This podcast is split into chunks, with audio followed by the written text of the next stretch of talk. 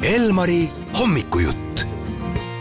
Eesti folk metal Hiid Metsatöll tähistab kahekümne viiendat tegutsemisaastat võimsa kontserdiga kahekümne kolmandal märtsil Noblessneri valukojas, kuid juba täna õhtul astub bänd üles Euroopa kultuuripealinnas Tartus. Ja meil on telefonil Markus Teeäär, tere hommikust tere hommikust, armsad Tartu inimesed kui te alustasite, mis te ise arvasite ja kas te üldse mõtlesite, et alustate millegi nii kestva ja püsivaga, nagu on ansambel Metsatöll? loomulikult ei uskunud, et tegelikult see on omamoodi ime ja osa meie elust, siis millele me ise ka vaikselt muidugi peame oma energia panustama, et, et iseenesest midagi ei juhtu, aga me oleme selles suhtes tõesti õnnelikud ja ütleme sellise heavy rock ansambli jaoks kakskümmend viis aastat on tegelikult pikk aeg, see on ka põhjus, miks me ei ootanud, ütleme, kolmekümnendat juubelit. vaid et just, et see veerand sajandi, ütleme, verstapostini sai jõutud ja kui kellelegi teisele, siis meile ansamblist ikkagi tähendab see väga palju. kuidas te olete, kuidas teil on õnnestunud Metsatõlluga kakskümmend viis aastat koos püsida? No vot, selles mõttes on sul õigus, et vahel ongi suurem kunst hoida neid inimesi koos, kui seda muusikat teha, eks ole. aga ma arvan, et see on lihtsalt puhas elujuhus, et sellised inimesed satuvad kokku.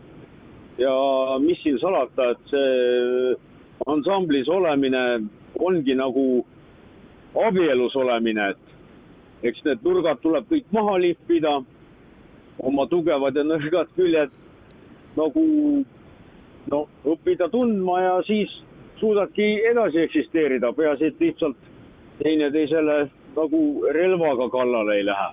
metsatöll peab oma pidupäeva vabariigi aastapäevaga, kui te teeksite bändiga oma kätlemistseremoonia, keda te kindlasti kutsumata ei jätaks?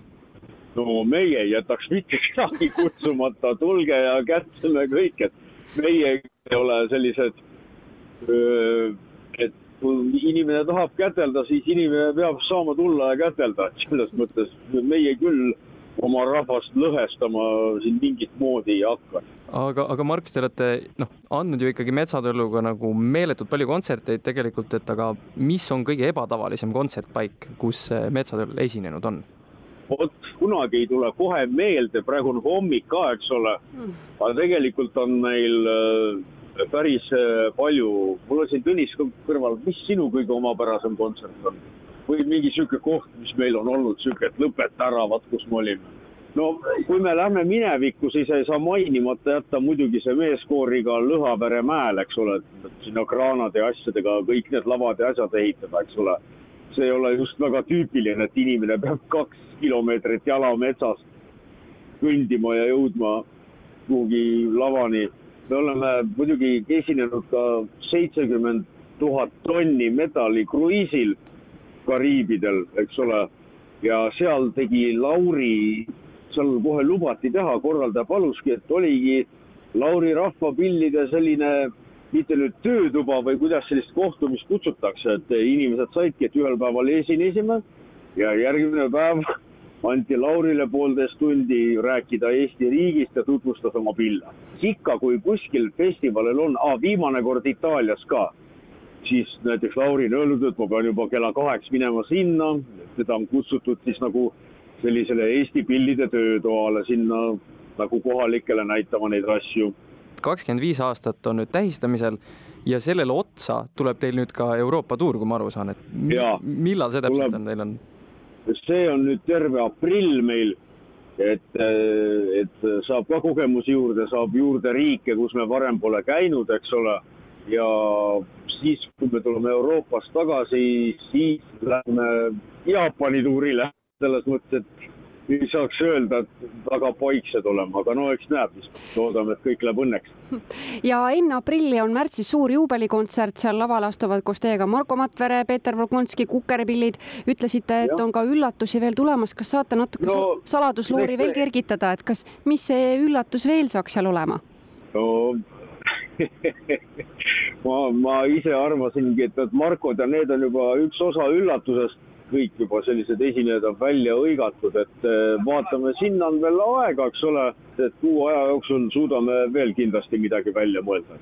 aga äh, Markus, sina kui suur folkmetalli looja ja austaja, kui te nüüd üksi olete, ütleme, et istute autosse, sõidate üksi kuhugi, mis muusika teil siis käib, mida te ise kuulate?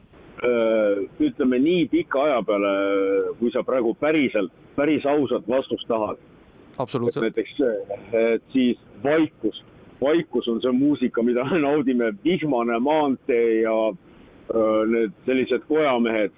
aga tunnistan ka ausalt, et, et hoida erinevat muusikamaitset ja kui on rohkem sõitu, on ka Raadio Elmar. täiesti tuled öösel kontserdilt, paned Raadio Elmari peale, tead, et hea roolis olla niimoodi. et siis see, mis sealt raadiost tuleb aga kui on lavatehnikud, peohoos, siis tuleb igasugust äh, raske rokkmuusikat.